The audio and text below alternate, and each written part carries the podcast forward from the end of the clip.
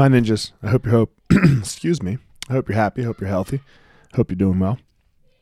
Um, man, what we're going to look at today, the quote this week, um, is from Benjamin Franklin.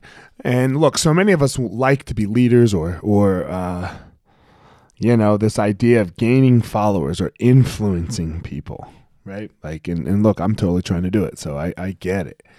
Um, but here's the quote Tell me and I forget, teach me and I remember, involve me and I learn. Let's look just let's just look at the first part. We're going to break it down into three sections. Tell me and I forget. Nobody likes to, to be told what to do. I don't like to be told what to do.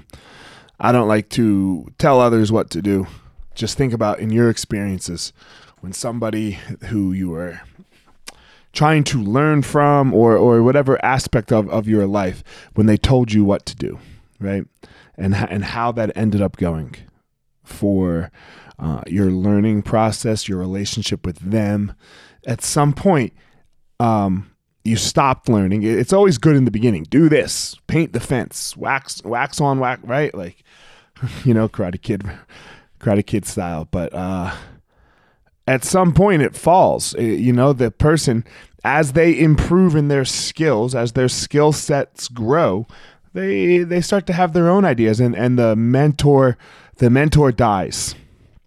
Because the mentor is just telling all the time do this do this do this do this. And that's that ends. It's over. And then and then this resentment builds. Why am i doing this? And we've all had these relationships.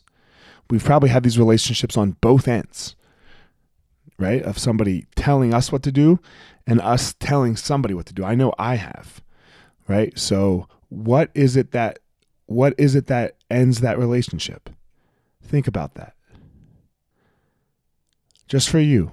Think about you on, on the receiving end of being told what to do and, and how how that affected you. And then think about how it is you want to do in the future. So that one, you can find your power. And two, we can always be helping people find theirs.